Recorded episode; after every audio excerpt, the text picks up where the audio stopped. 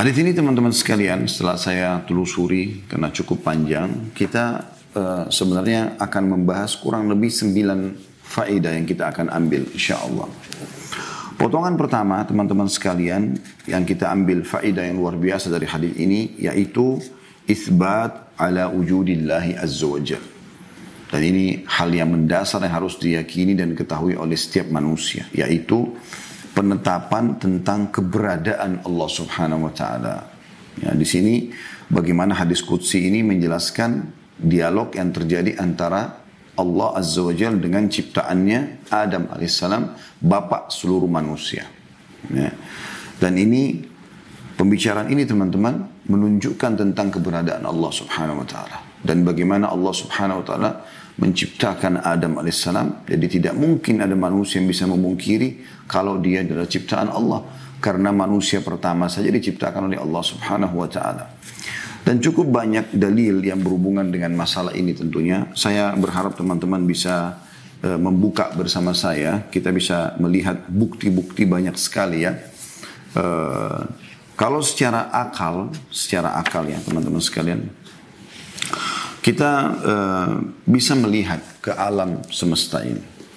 Dan ini sudah sering kami sampaikan pada saat menjelaskan tentang keberadaan Allah Subhanahu wa taala. Kita lihat ke alam semesta ini kita akan apa pun yang kita bisa lihat di langit sana dari pergantian siang malam, dari turunnya hujan, burung-burung yang berterbangan, bintang-bintang yang miliaran jumlahnya, gemerlapan dengan luar biasa indahnya kalau malam hari gitu kan. Bahkan kadang-kadang seperti membentuk rupa-rupa tertentu tapi yang jelas itu tidak penting buat kita intinya adalah bintang-bintang ini maksudnya rupanya ya Ya, yang penting adalah bintang-bintang tersebut yang dipelajari oleh para ilmuwan dikatakan miliaran jumlahnya. Bahkan saya pernah lihat satu foto yang diambil dan itu disebarluaskan uh, setahu saya oleh NASA ya tentang uh, bagaimana Eh, butiran-butiran bintang yang sangat banyak seperti pasir di padang pasir di langit sana. Dan ternyata ada butiran yang sangat kecil dan mereka mengatakan inilah bumi yang hidup di dalamnya atau di atasnya kurang lebih 7 miliar manusia. Selain daripada makhluk yang lain. Begitu juga dengan uh, di bumi ini apa pun yang terjangkau oleh mata kita. Manusia dengan beragam macam warna kulit, paras wajah, bahasa, poster tubuh dan segala macam. Ya, begitu juga dengan keajaiban yang luar biasa ada di sekitar mereka, misalnya makanan dan segala macam. Begitu juga dengan hewan-hewan, begitu juga dengan tumbuh-tumbuhan, dengan karakter karakteristik dan dengan warna, dengan uh, poster dan segala macam lah, postur maksud saya itu semua luar biasa ya keajaiban itu juga dengan di lautan yang miliaran jumlahnya jenis hewan-hewan di sana dari jenis ikan-ikanan dan yang lainnya. Semua itu teman-teman sekalian terjangkau atau tidak terjangkau oleh mata kita menandakan tentang keberadaannya sang pencipta dan kita sebagai orang beriman diajarkan dan disampaikan namanya adalah Allah dan itu. Dan ini hal yang luar biasa bagi kita karena kita langsung bisa mengetahui tentang nama Tuhan kita. Dan juga kita diajarkan dalam syariat Allah subhanahu wa ta'ala bagaimana berhubungan dengannya, bagaimana melaksanakan perintahnya atau apa saja perintahnya dan bagaimana juga dan apa saja larangannya ya, sehingga kita menghindarinya. Bahkan lengkap panjang lebar diceritakan tentang awal histori manusia diciptakan. Nah termasuk bahasan kita juga ini bagaimana ayah kita Adam alaihissalam diciptakan. Kemudian berbicara dengan Tuhan kita Allah subhanahu wa ta'ala setelah itu ya uh, juga teman-teman sekalian apa akhir perjalanan kita nantinya di surga bagi orang yang beriman dan semoga kita termasuk insya Allah dengan segala macam kenikmatan yang sudah dibeberkan panjang lebar oleh sang pencipta Allah SWT sudah disampaikan ya dalam Al-Quran melalui Rasulnya utusannya Muhammad Sallallahu Alaihi wa ala alihi wa sahbihi wasallam dan juga bagaimana akhir orang-orang munafik, orang musyrik, orang kafir itu di dalam neraka dan bagaimana gambarannya neraka dengan segala macam hal yang menakutkan dan siksaan yang menyakitkan di sana ya apalagi mereka akan kekal di sana. Wa naudzubillah semoga Allah selamatkan kita dan keturunan kita dari api neraka. Maka semua ini teman-teman menunjukkan tentang ya keberadaan Allah Subhanahu wa taala. Bayangkan teman-teman di listrik di rumah kita tidak mungkin kita bisa tiba-tiba ada tanpa ada yang memasangnya kan? Nah seperti itu. Pasti manusia juga orang-orang ateis orang komunis kalau mereka diajak ngomong uh, kira-kira di rumah anda di rumah anda tiba-tiba bisa ada tanpa ada yang membangunnya listriknya tiba-tiba bisa ada uh, apa uh, tombolnya sehingga Anda bisa nyalakan tanpa ada yang memasangnya, gitu kan. Begitu juga dengan bohlamnya, posisinya dan segala macam. Pasti dia akan jawab tentu tidak mungkin. Akan ada seorang arsitek atau tukang yang memasang itu. Nah jawaban ini sederhana. Kalau di rumah saja tempat dia tinggal, dia meyakini bahwasanya tidak mungkin ini semua ada tanpa ada yang uh, apa namanya membuatnya. Maka bagaimana dengan alam semesta yang begitu besar ini? Saya kembali ingin mereview karena ini masalah tauhid, masalah yang paling mendasar teman-teman. Maka saya merasa kita coba tadabur lagi kembali saya ajak teman-teman membuka surah Al-An'am, surah nomor 6, ayat 95 sampai 102. Ya kita baca saja ayat ini, kemudian dengan terjemahannya tentu hampir seluruh isi Al-Quran mengisi atau berisi tentang pemberitahuan Allah SWT tentang dirinya, tentang hukum-hukumnya, tentang keadaan kita, ya orang-orang sebelum kita dan um, yang kita butuhkan pada saat kita masih hidup dan apa yang akan terjadi nanti menjelang setelah kita meninggal dan hari kiamat. Semua itu panjang lebar. Tapi kita ingin coba fokus ke beberapa ayat yang seperti ini misalnya. Baik. Coba kita buka teman-teman sekalian surah Al-An'am surah nomor 6 ayat 95 sampai 102 ya. Semoga teman-teman bisa ikut untuk membukanya supaya lebih jelas ya. A'udzu billahi minasyaitonir rajim. Sekali lagi Al-An'am surah nomor 6 ayat 95 sampai 102. A'udzu billahi minasyaitonir rajim 95-nya innallaha falikul habbi wan nawa yukhrijul hayya minal mayyiti wa mukhrijul mayyiti minal hayy dzalikumullah fa anna tufakun Sesungguhnya Allah menumbuhkan butir tumbuh-tumbuhan dan biji buah-buahan. Anda kalau makan buah-buahan lihat bijinya, Allah Subhanahu wa taala mengajak kita berpikir, lihat itu biji-bijian ya yang dari situ kalau kita tanam lagi di tanah akan tumbuh lagi. Apakah begitu saja prosesnya tanpa ada yang mengatur semua itu? Dan Allah mengatakan dia yang mengeluarkan yang hidup dari yang mati. Ya, mengeluarkan yang hidup dari yang mati seperti telur misalnya. Telur tidak bisa apa-apa. Tapi tiba-tiba kalau kita biarkan diperam oleh induk ayam. Misalnya telur ayam maka akan keluar menjadi ayam. Yang bisa bernafas, bergerak dan jadi besar. Bahkan dagingnya bisa kita nikmati kan gitu. Contoh saja. Gitu dan juga mengeluarkan yang mati dari yang hidup. Ya. Apa pun yang misalnya sudah tidak dibutuhkan oleh tubuh, benda yang sudah mati, mati maka dia keluar. Misalnya kulit, biasa orang mengatakan kulit yang sudah mati, ya, kulit yang sudah rusak, maka dia keluar. Lalu keluarlah kulit yang baru. Ya. Dikeluarkan yang mati dari yang hidup. Ini contoh-contoh saya, tentu banyak sekali contohnya. Yang memiliki sifat demikian ialah Allah. Mengapa? Lalu mengapa kamu berpaling? Maksudnya kenapa kamu masih menyembah selain Allah atau tidak meyakini keberadaannya. Lalu Allah ayat 96 juga berkata, Falikul isbahi wa ja'ala al-layla sakana wa syamsa wal qamara husbana dzalika takdirul azizil alim dia Allah yang menyingsingkan pagi dan menjadikan malam untuk istirahat. Bagaimana bisa kayak sekarang pagi ini matahari terbit, terang, kita semua bisa beraktivitas. Pagi ini adalah hal yang luar biasa, tanda-tanda kebesaran Allah Subhanahu wa taala. Bagaimana sinar matahari menerangi sehingga seluruh makhluk, manusia, hewan-hewan, tumbuh-tumbuhan membutuhkannya. Dan begitu juga dengan malam datang, tiba-tiba matahari tidak ada atau cahaya matahari hilang di lokasi kita Tentu ada yang mengaturnya gitu kan sehingga datang malam dan kita dibuat mengantuk malam hari lalu dipelajari oleh manusia dianggap sehat kalau orang istirahat malam dan segala macam. Dan menjadikan matahari juga bulan untuk perhitungan ya. Berapa bulan gitu kan. Dan kita hitung semuanya perhitungan. Ini sudah ada ilmunya sendiri ya. Itulah ketentuan Allah yang maha perkasa lagi maha mengetahui. Ayat 97 Allah juga kenalkan lagi dirinya. Wa huwa alladhi ja'ala lakumun nujuma litahtadu biha fi dhulumatil barri. Qad fassalna al-ayati liqaumin ya'lamun.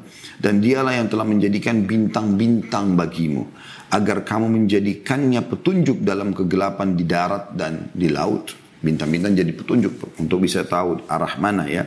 Sesungguhnya kami telah menjelaskan tanda-tanda kebesaran kami kepada orang-orang yang mengetahui. Maksudnya mau mencari tahu. Allah bukakan bagi dia jalan itu.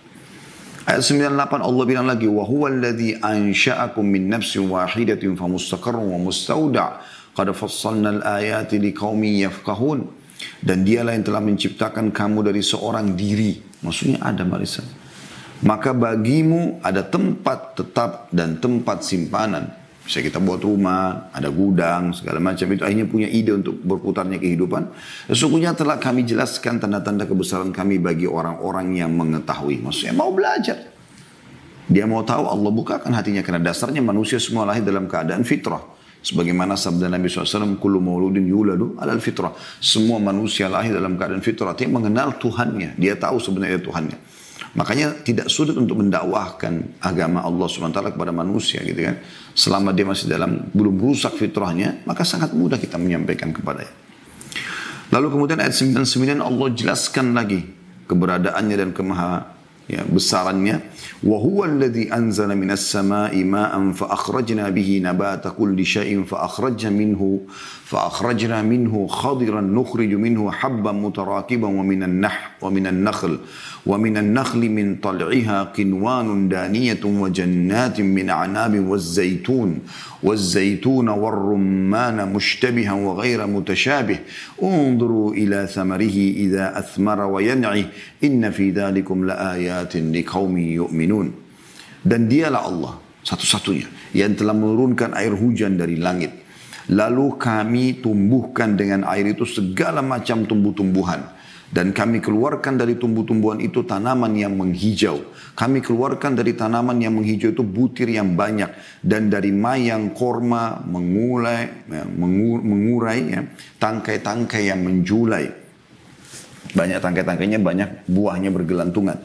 Dan kebun-kebun anggur. Ini teman-teman bisa coba sebentar habis ini membuka di Google tentang bagaimana panennya kurma. Lihat bagaimana mereka pohon-pohon kurma itu penuh dengan buah-buahan. Ini Allah ajak kita buah kurma maksudnya. Anda lihat bagaimana keajaiban itu. Terus buah-buah anggur yang bergelantungan dengan tinggal dipotong, diambil dan tertancap dengan rapi di tangkainya sehingga berkumpul di satu tangkai yang luar biasa indahnya. Sampai kadang-kadang manusia merasa bangga kalau uh, bisa membuat imitasinya mencontoh itu saja gitu kan. Dan kami keluarkan pula zaitun dan delima yang serupa dan tidak serupa. Bentuknya, warnanya, rasanya. Perhatikanlah buahnya kata Allah. Di waktu pohonnya berbuah. Dan perhatikan pula kematangannya. Bagaimana dari kecil sampai mulai mengkal. Kemudian menjadi buah yang layak untuk dikonsumsi. Allah suruh kita berpikir. Apakah begitu saja dia? Bergerak di depan mata kita nih. Buah mangga misalnya di rumah. Dari kecil tiba-tiba besar. Jangan cuma sekedar oh, udah matang. Petik makan manis ya selesai. Itu sangat uh, standar sekali. Coba renungi teman-teman. Siapa yang buat pohon ini? Bagaimana dia bisa bergerak, bisa tumbuh, walaupun dia tidak berbicara dengan kita. Allah suruh kita berpikir, lihat buahnya kalau lagi berbuah. Lihat juga pada saat dia lagi matang, siap untuk dipanen. Sesungguhnya pada yang demikian itu ada tanda-tanda kekuasaan Allah bagi orang-orang yang beriman. Ayat seratusnya. وجعلوا لله شركاء الجن وخلقهم وخرقوا له بنين وبنات بغير علم سبحانه وتعالى عما يصفون dan mereka orang-orang musyrik menjadikan jin itu sekutu bagi Allah mereka minta-minta tolong pada dewa ini, penjaga gua itu, apalah istilahnya gitu. Semua dari jin. Padahal Allah lah yang telah menciptakan jin-jin itu. Sama dengan kita makhluk. Dan mereka berbohong dengan mengatakan bahwasanya Allah mempunyai anak laki-laki dan perempuan. Tanpa berdasar ilmu pengetahuan. Maka maha suci Allah dan maha tinggi dari sifat-sifat yang mereka berikan. Ya, seperti orang-orang musyrik Mekah mengatakan malaikat adalah anak perempuannya Allah. Orang-orang uh, Yahudi mengatakan Uzair anaknya Allah. Orang Nasrani mengatakan Isa adalah anaknya Allah. Ya, alaihissalam. Ini semua kedustaan kata Allah SWT. Ya. Maha tinggi Allah dari sifat-sifat yang mereka berikan. Allah itu as-samad. Qul huwallahu ahad. Katakanlah Allah itu Esa, Allahu samad. Allah yang segala hal itu bergantung padanya. Lam yalid wa lam yulad. Tidak beranak, tidak diperanakan. Karena kalau kita bilang Allah punya orang tua siapa? Orang tua yang awalnya. Kalau kita bilang Allah juga beranak punya keturunan. Maka siapa keturunannya Allah SWT? Nah. Walam yakul lahu kufuan ahad. Dan Allah tidak butuh pada siapa pun. Itu sifat tingginya Allah SWT. 101. Badi'us samawati wal ard anna yakunu lahu waladun takun lahu sahibah wa khalaqa kulla syai' wa huwa syai'in alim.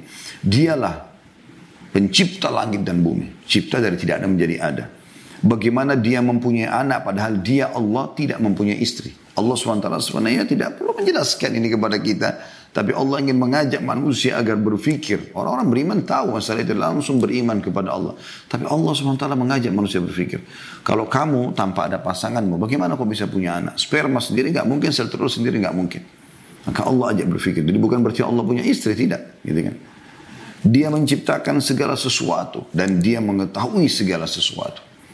102-nya ini terakhir kita tutup dengan ini. Dzalikumullahu rabbukum la ilaha illahu khaliqu kulli syai'in fa'budu wa huwa ala kulli syai'in wakil. Yang memiliki sifat-sifat demikian tidak bergantung pada siapa pun menciptakan segala sesuatu di langit dan di bumi ialah Allah Tuhan kamu. Tidak ada Tuhan yang selain dia pencipta segala sesuatu maka sembahlah dia tunduk padanya jalankan perintahnya tinggalkan larangannya dan dia adalah pemelihara segala sesuatu ya Tentu banyak sekali teman-teman ayat-ayat Al-Quran yang bicara tentang seperti ini ya. Dan kita cukupkan dengan ini insya Allah. Dan teman-teman bisa melihat banyak sekali uh, bahasan kami dalam masalah ini dalam kajian Minhajul Muslim. Kita bahas di empat pasal pertama di bab akidah tentang masalah mengenal Allah Subhanahu Wa Taala dan bagaimana Syekh Abu Bakar Jazair rahimahullah. Anda bisa masuk di playlist di YouTube ya kajian Minhajul Muslim. Anda bisa lihat di situ bagaimana Syekh Abu Bakar Jazair menjelaskan tentang keberadaan Allah Subhanahu Wa Taala secara dalil nakli wahyu seperti ayat-ayat yang tadi kita bacakan dan juga secara akal, secara akal manusia. Tidak mungkin ini semua ada tanpa ada yang mengatur dan menciptakan.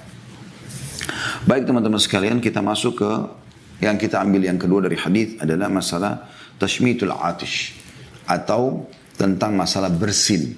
Karena di sini ada potongan dalam hadis dikatakan waktu Allah SWT menciptakan Adam lalu Adam bersin ya. Kemudian dia memuji Allah mengatakan alhamdulillah Lalu Allah mendoakan dia mengatakan yarhamu yarhamuka wa yarhamuka rabbuk.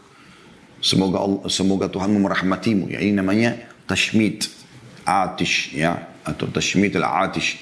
Bagaimana orang yang bersin kalau memuji Allah kita disunnahkan untuk ya memuji Allah bagi yang bersin memuji Allah dan bagi yang ya mendengar mendoakan kebaikan. Baik ada yang saya ingin titik beratkan teman-teman sekalian berhubung dengan masalah bersin. Bersin ini luar biasa ya. Saya baca hasil penelitian itu, kecepatannya itu 160 km per jam kalau disilakan dengan kecepatan kendaraannya. Itu luar biasa, bahkan tidak ada yang bisa menahan bersin itu. Berapa banyak penyakit-penyakit yang keluar dari situ. Ibnu Qayyim rahimahullah meneliti beratkan juga masalah itu. Tentang masalah bakteri-bakteri yang keluar dan luar biasa bagaimana Allah menyelamatkan manusia dengan bersin itu. Sering kali kita lihat tentunya. Ya, dan ini menunjukkan ada pencipta yang mengaturnya sampai manusia pun tidak bisa menahannya. Ya. Baik, ada beberapa adab dalam bersin yang harus kita ketahui. Yang pertama yaitu takhfifus saut wa taqtiyatul wajh. Ya.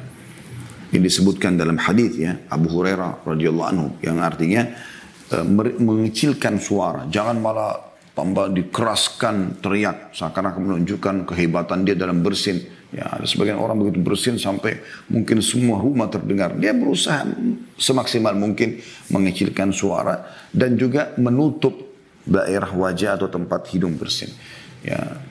Disebutkan dari hadis Abu Hurairah radhiyallahu anhu bahwasanya Nabi SAW, kana Nabi sallallahu anna Nabi sallallahu kana idza atasha ghatta wajhu yaghatta wajhu bi, bi, bi, yadihi au bi thawbihi wa ghad wa ghadda biha sautuhu sautu. Hadis sahih diriwayatkan oleh Ahmad dan Tirmidzi. Artinya Abu Hurairah berkata radhiyallahu kalau Nabi Shallallahu alaihi wasallam bersin maka beliau menutup wajahnya dengan tangannya ya, atau dengan bajunya ya.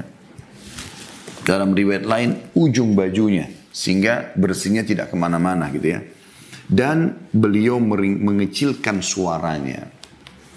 Kemudian yang kedua, memuji Allah subhanahu wa ta'ala. Dan ini ada beberapa lafaz anda begitu bersin mengatakan Alhamdulillah. Ini disebutkan dalam hadis Bukhari. Bisa juga Alhamdulillahi Rabbil Alamin. Ini juga disebutkan oleh Bukhari tapi bukan dalam sahih beliau tapi e, dalam kitab Adab Mufrad ya. Dan juga disahihkan oleh para ulama. Anda bisa bilang Alhamdulillah, Anda bisa mengatakan Alhamdulillahi Rabbil Alamin. Kalau dalam riwayat yang kita pelajari, Nabi Adam AS mengatakan Alhamdulillah gitu kan. Kemudian juga bisa Alhamdulillahi ala kulli hal. Ini disebutkan riwayat Imam Ahmad. Ya, dan ini juga hadis yang sahih ya. Juga bisa sebagaimana hadis disebutkan Abu Daud dan Al-Hakim, alhamdulillahi hamdan katsiran tayyiban mubarakan fi kama yuhibbu rabbuna wa yarda. Tentu ini semua artinya kalau Alhamdulillah tadi segala puji bagi Allah. Alhamdulillah Rabbil Alamin segala puji bagi Allah Tuhan alam semesta. Alhamdulillah ala kulli hal segala puji bagi Allah uh, atas segala sesuatu atau setiap keadaan. Itu riwayat yang ketiga tadi. Kemudian riwayat yang keempat. Alhamdulillahi hamdan kathiran tayyiban mubarakan fi kama yuhibbu rabbuna wa. Segala puji bagi Allah, puji-pujian yang banyak, yang baik, yang penuh dengan keberkahan. ya Di dalamnya sebagaimana yang dicintai oleh Tuhan kami dan ia ridhohi. Ini semua boleh kita ucapkan. Ini bagi orang yang uh, bersin ya. Kemudian dalam hadis yang sebuah hadis yang sahih juga disebutkan sesungguhnya Allah SWT mencintai kalau seseorang hamba bersin lalu memujinya mengatakan alhamdulillah. Kemudian pelajaran yang ketiga teman-teman, ini pelajaran yang kedua, uh, mas, maksud saya adab ya, adab yun. Kita masih di pelajaran kedua dari hadis tentang masalah tashmitul atish atau bagaimana orang yang bersin itu punya adab-adab ya. Jadi yang pertama Anda uh, mengecilkan suara dan menutup ya supaya tidak nyebar ke mana-mana bersinnya. Dan di waktu kita sekarang sudah kita tahu subhanallah dengan adanya pandemi ini kita diajarkan bagaimana ini ya, ada masker, ada mungkin tisu dan segala macam. Uh, kemudian mungkin di, kalau di zaman di masa kita sekarang ini kalau anda bersin sembarangan anda pasti akan ditegur oleh orang atau anda membiarkan tidak ditutup ya seperti itulah. Kemudian yang kedua anda memuji Allah swt kalau anda bersin. Yang ketiga adalah adabnya kita mendoakan orang yang memuji Allah subhanahu wa taala selama dia muslim. Perbaiki atau uh, garis bawahi selama dia muslim ya. Karena disebutkan dalam sebuah hadis yang sahih riwayat Bukhari bahwasanya Nabi SAW bersabda idza atasya ahadukum falyakul alhamdulillah kalau salah seorang di antara kalian sedang bersin hendaklah dia mengatakan alhamdulillah wal yakul lahu akhuhu aw sahibuhu yarham yarhamukallah dan sebaiknya temannya saudaranya atau temannya yang mendengar mengatakan semoga Allah merahmatimu fa idza qala lahu yarhamkallah dan kalau saudaranya mengatakan semoga Allah merahmatimu falyakul yahdikumullah wa yuslih balakum maka orang yang didoakan tadi yang bersin itu kembali mengatakan semoga Allah memberimu hidayah dan memperbaiki keadaanmu. Berapa banyak teman-teman kita lalaikan masalah ini di rumah. Istri atau suami bersin atau anak bersin. Tidak pernah diajarkan bilang Alhamdulillah.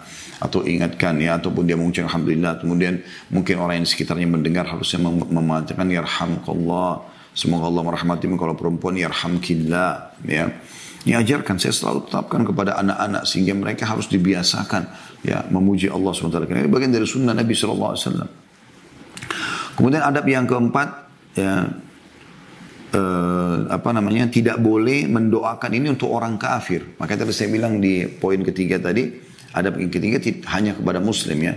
Karena disebutkan dari Abu Musa al-Asy'ari radhiyallahu anhu uh, beliau berkata kana al-yahud yata'atashuna yata'atasun ya عند رسول الله صلى الله عليه وسلم يرجون أن يقول لهم يرحمكم يرحمكم الله Orang-orang Yahudi pernah bersin ya, atau mereka sengaja bersin di hadapan Rasulullah SAW. Ya. Dan mereka berharap beliau SAW mengucapkan semoga Allah merahmati kalian. Fayakul maka Nabi SAW justru mengatakan yahdikumullah wa yuslih balakum. Semoga Allah berikan petunjuk kepada kalian dan memperbaiki keadaan kalian. Hadis ini diriwayatkan Ahmad, Abu Dawud, An-Nasai dan juga Bukhari dalam adab mufradnya. Ya, jadi kita tidak boleh mengatakan yarhamkullah untuk orang kafir. Ini adab juga. Tapi kalau dia bersin, ya, maka kita boleh mengatakan yahdikumullah wa yuslih balakum supaya dia dapat hidayah. Ini juga pelajaran supaya kita biasa mendoakan agar orang-orang yang belum masuk Islam mendapatkan hidayah. Siapa tahu doa kita dijawab oleh Allah SWT lalu kita panen pahalanya.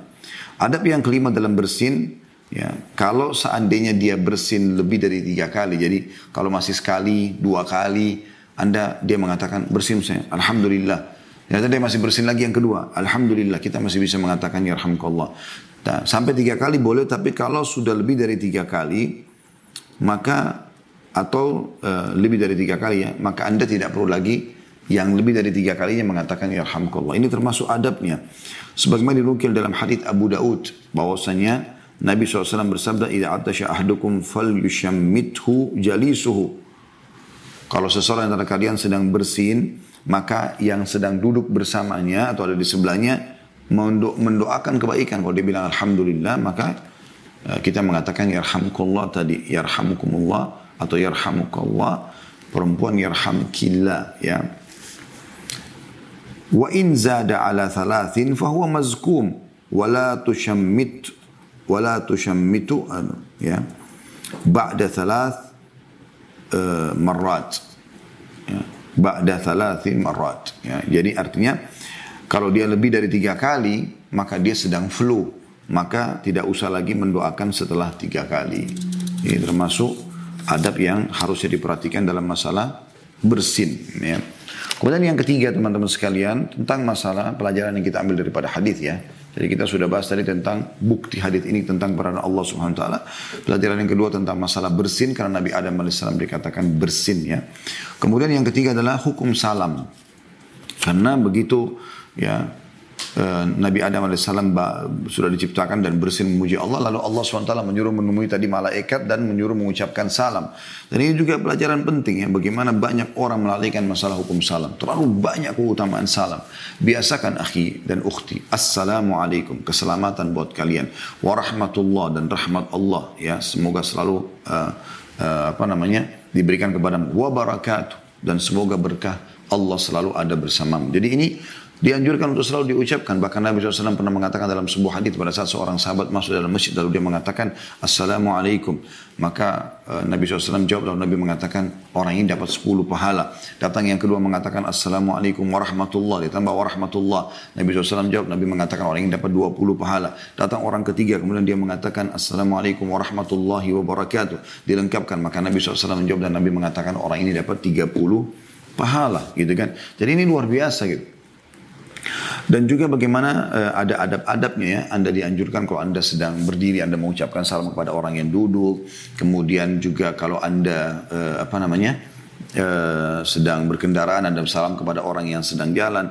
Uh, intinya teman-teman sekalian, hidupkan salam yang di rumah. Biasakan orang tua kalau masuk kamar anaknya ucapkan salam. Karena ini adalah salam. Allah SWT jadikan ini salam untuk kita. Ya. Karena Nabi SAW mengatakan tadi Allah berfirman kepada Adam. Ini adalah salammu dan keturunanmu di antara mereka.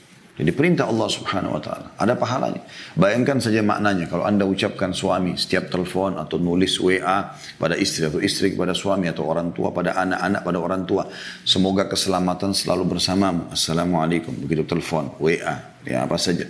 Warahmatullah. Semoga selalu rahmat Allah datang padamu. Karunia Allah ya rezeki Allah wabarakatuh dan semoga selalu mencukupi untukmu ini kan luar biasa kalau satu hari kita 10 kali ucapkan berapa kali kita doakan bahkan Nabi SAW mengatakan lan lan jannah. Kalian tidak akan masuk surga hatta tu'minu sampai kalian beriman. Wala tu'minu ya, la tadkhulul jannah hatta tu'minu kalian tidak akan masuk surga sampai kalian beriman. Wala tu'minu hatta tahabu. Kalian juga tidak beriman sampai kalian saling mencintai. Awala adullukum ala syai. Maukah saya tunjukkan sesuatu? Ma in fa'altumu kalau kalian kerjakan tahabbtun, kalian akan saling mencintai.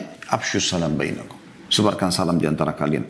Dan termasuk tanda-tanda hari kiamat justru kalau kita hanya salam kepada orang yang kita kenal. Kita harus salam kepada semua orang yang kita tidak kenal pun di antara kaum muslimin. Yang keempat teman-teman sekalian adalah e, bagaimana Adam alaihissalam diperlihatkan keturunannya ya, oleh Allah subhanahu wa ta'ala. Diperlihatkan oleh Allah subhanahu wa ta'ala keturunannya ya. E, kemudian ini sudah kita tahu tadi diperlihatkan semua termasuk beliau melihat sendiri keturunannya Daud alaihissalam ya. Kemudian yang kelima adalah umur setiap orang di antara kita sudah ditentukan jauh sebelum kita diciptakan. Karena Nabi Adam alaihissalam waktu diciptakan keturunannya belum belum belum ada, tapi Allah swt sudah perlihatkan ini keturunanmu nanti semua pada saat mereka lahir di muka bumi. Dan setiap orang di matanya sudah ada catatan umurnya. Nah ini berarti umur kita sudah ditentukan tidak akan bertambah dan berkurang. Ya, makanya doa-doa yang menyebutkan tentang uh, siapa yang melanjutkan silaturahim maka Siapa yang ingin diluaskan rezekinya, di, di, siapa yang ingin dipanjangkan umurnya, diluaskan rezekinya, maka dia melanjutkan hubungan silaturahim. Kata Ibnu Taimiyah rahimahullah bukan ditambah jumlah umurnya, tetapi Allah SWT berikan keberkahan pada umurnya. Ya.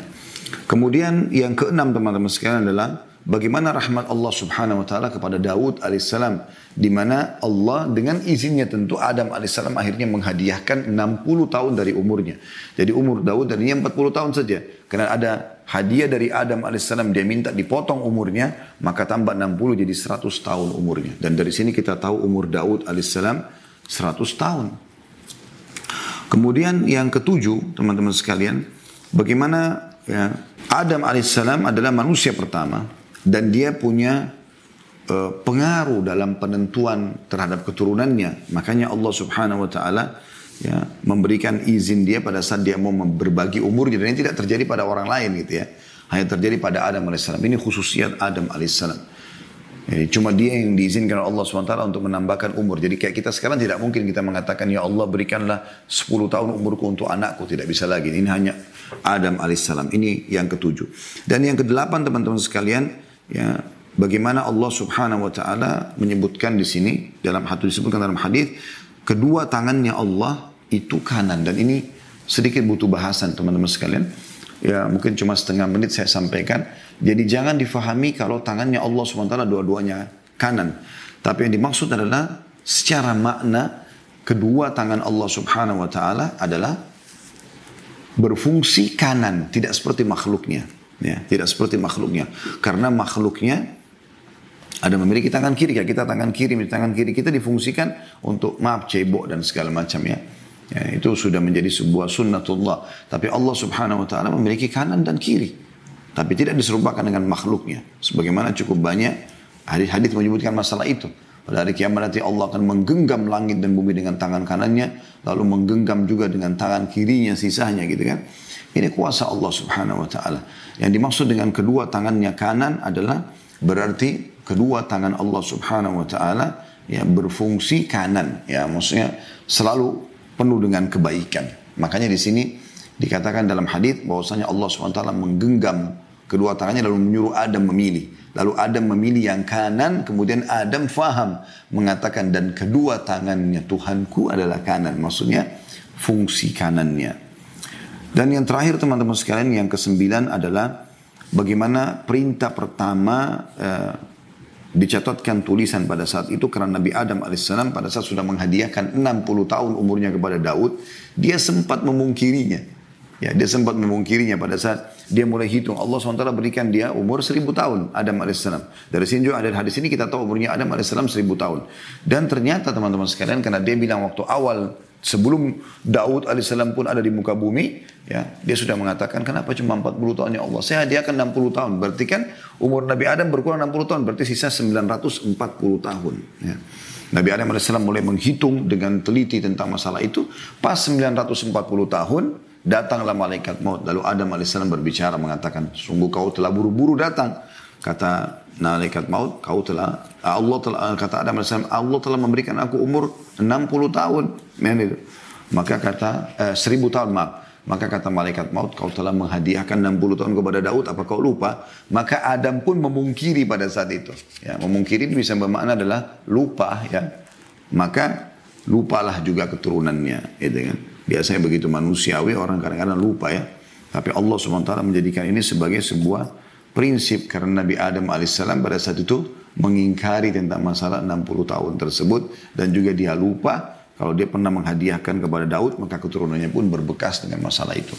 Khusus masalah perintah catatan ini teman-teman sekalian Anda bisa kembali mohon maaf ini karena sudah masuk azan ya waktu sholat duhur saya uh, menyampaikan kepada Anda insya Allah anda bisa melihat teman-teman sekalian uh, di dalam surah Al-Baqarah ayat 282 ya.